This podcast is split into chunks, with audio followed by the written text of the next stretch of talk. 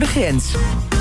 Iedere week praten we over zaken doen over de grens. Vandaag met Esther Jansen, oprichter van Culture Inc., schrijver van het boek Zaken doen van hier tot Tokio. En voor de gelegenheid ook lid van de modepolitie. Esther, goed dat je er bent. Ja, dankjewel Thomas. Want het gaat vandaag over kleding. Ja, ik zou zeggen, je hebt een heel goed uh, mooi shirt aan vandaag. Ja, Zie je geen t-shirt, maar een blouse. Ja, maar er deugt van alles niet aan. Hè, het kreukt. Uh, het, het kreukt en het is linnen en het zijn geen lange mouwen. Jawel, je hebt, je hebt een lange mouw. Ja, maar die heb ik opgerold. Ja, want je hard werk hier. Ja, dat klopt. En maar we hebben het vandaag over wat je mee moet nemen als je op zakenreis gaat en het in ieder geval niet op kleding wil laten afknappen. Ja. Nou, ehm, dat is heel belangrijk. Want is, je krijgt maar een eerste indruk, of uh, je krijgt maar een eerste of kans voor een eerste indruk. En dat, uh, dat moet ook meteen goed zijn. En bovendien toon je respect door uh, je op een goede manier te kleden. Vooral in landen die dat heel erg op prijs stellen. He, dus je moet goed kijken wat je in je koffertje stopt. Maar bagage meenemen wordt steeds duurder. Traveling light. Oeps, ja. Nou, dat, is, dat is toch, ja, natuurlijk, als het even kan, ligt eraan hoe lang je weggaat en waar je naartoe gaat. En je wil geen kleding hebben die kreukt en, en natuurlijk die je makkelijk kunt combineren. Maar neem ook niet te weinig mee. Want als je naar landen gaat waarin het heel warm is, en dan kun je tegenwoordig al in Zuid-Europa voor uh, aan de slag, dan heb je toch echt ook kleding nodig. En overhemden, schone overhemden, en die inderdaad niet kreuken. En men vindt. Uh, ja, ja, Esther, ik weet het. Sorry. het moet spik en span zijn. Dus uh, kreukels, maar ook zweetvlekken als het warm is, dat toont heel armoedig. En ik vind het altijd heel wonderlijk dat je in de Arabische en Afrikaanse landen, Aziatische landen, waarin het toch vaak warm kan zijn, mensen zo goed voor de dag komen en, en mooi gesteven kleding. Zijn er kledingvoorschriften die eigenlijk waar je ook naartoe gaat, altijd hun, hun waarde bewijzen, waar je rekening mee moet houden? Ja, nou, wat ik uh, in eerste instantie altijd doe, is kijken hoe formeel is het land waar ik naartoe ga en hoe belangrijk is status. En daar pas ik mijn kledingkeuze op af. Nou, vanuit een Nederlands perspectief moet je dan al heel snel toch wat formeler voor de dag komen. Want we zijn natuurlijk toch informeel ingesteld. We hebben de verwachting dat dat eigenlijk elders ook wel gewoon oké is. En dat ligt erg aan de bedrijfstak waar je zit. Maar een aantal dingen die je volgens mij altijd eh, kunt doen en die ik zelf al doe, is ik neem altijd een sjaal mee of een, een doek die ik makkelijk kan omslaan. Niet alleen omdat ik in airco. Koude airco's terecht kan komen. Maar ook omdat het soms lokale dresscodes zijn die vragen dat ik mijn schouders bedek, mijn armen bedek. En, Religieus ook, georiënteerd of niet eens? Oh, beide. Ja, beide. Maar eh, vooral ook religieus. Uh, dus ik heb ook vaak zelf uh, bijvoorbeeld een pak aan als ik in het buitenland ga. En dat is voor vrouwen. Ja, zijn Latino-landen zien liever natuurlijk een dame in een, in een mooie rok. En, en dat is ook prima.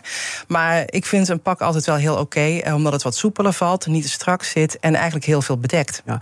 Moet je nou ook de blitz willen maken met je kleding? Afhankelijk van waar je naartoe gaat. Kijk, als je naar Italië gaat, of uh, nou, een aantal Latino-landen, of af, naar Amerika is niet echt een blitz maken, dat is vrij conservatief.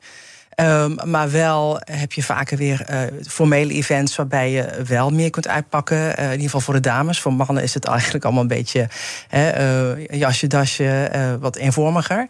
maar er zijn landen waar je zeker. Ik denk bijvoorbeeld in Oost-Europese landen, in Rusland, daar gaan we niet zo snel naartoe. Maar daar kun je zeker wat meer uitpakken. En er zijn ook, ook uh, ja, zaken waar je echt wel redelijk van op de hoogte moet zijn. Want voor je het weet, denk je nou, uh, het Verenigd Koninkrijk. Je gaat niet per se kijken naar de kleuren van je schoenen.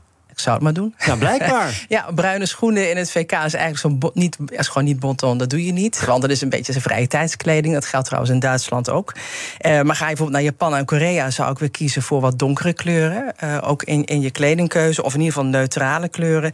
En ja, klinkt misschien heel gek, maar ook je sokken. Want als je sokken aan hebt in Oost-Aziatische landen en je moet je schoenen uitdoen bij binnenkomst, wat heel regelmatig gebeurt, ook in restaurants, dan wil je niet dat er natuurlijk gaten in je sokken nou, zitten. Nou, ondanks mijn gekreukelde linnen overhemd durf ik hier wel te zeggen... Uh, als je het wilt checken, ik trek zo mijn schoenen voor jou.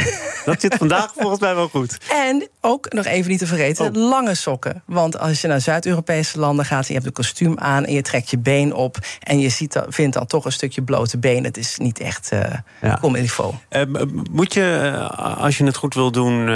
ook bijvoorbeeld landen en je gesprekspartners tegemoetkomen... door mee te gaan in, in lokale kleding?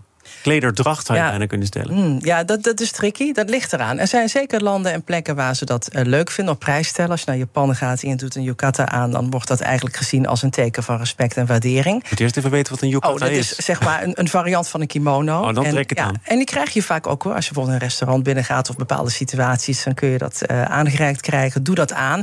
Ik in het verleden ging ik uh, in China had ik ook vaker een klassiek Chinese jasje aan. Dat vond ik leuk en het werd heel erg gewaardeerd als een teken van waardering voor hun cultuur. Vandaag de dag, ja, misschien in bepaalde plekken in het binnenland dat het nog steeds wordt gewaardeerd. Maar in Shanghai zou ik het niet meer zo snel doen. Want dan kan het ook worden gezien als een soort culturele toe-eigening. En dat is weer link. En ik had bijvoorbeeld eerder dit jaar kreeg ik in, Ethio in Ethiopië een hele mooie witte doek. Uh, en nou, toen heb ik wel even gevraagd: hartelijk bedankt. En op welke, bij welke gelegenheden kan ik dit aandoen? En ik was blij die vraag stelde, want die was ook alleen maar bedoeld voor bepaalde feestdagen en religieuze dagen vooral. Dus ja, als ik die dan diezelfde avond naar het restaurant had aangedaan, hadden ze me heel gek, uh, gek aangekeken. Dus uh, better be safe than sorry. Esther Jansen, dankjewel. Oprichter van Culture Inc., schrijver van het boek Zaken doen van hier tot Tokio. Zaken doen over de grens wordt mede mogelijk gemaakt door Bluebiz. Het loyaliteitsprogramma voor zakelijk reizen van KLM en partners.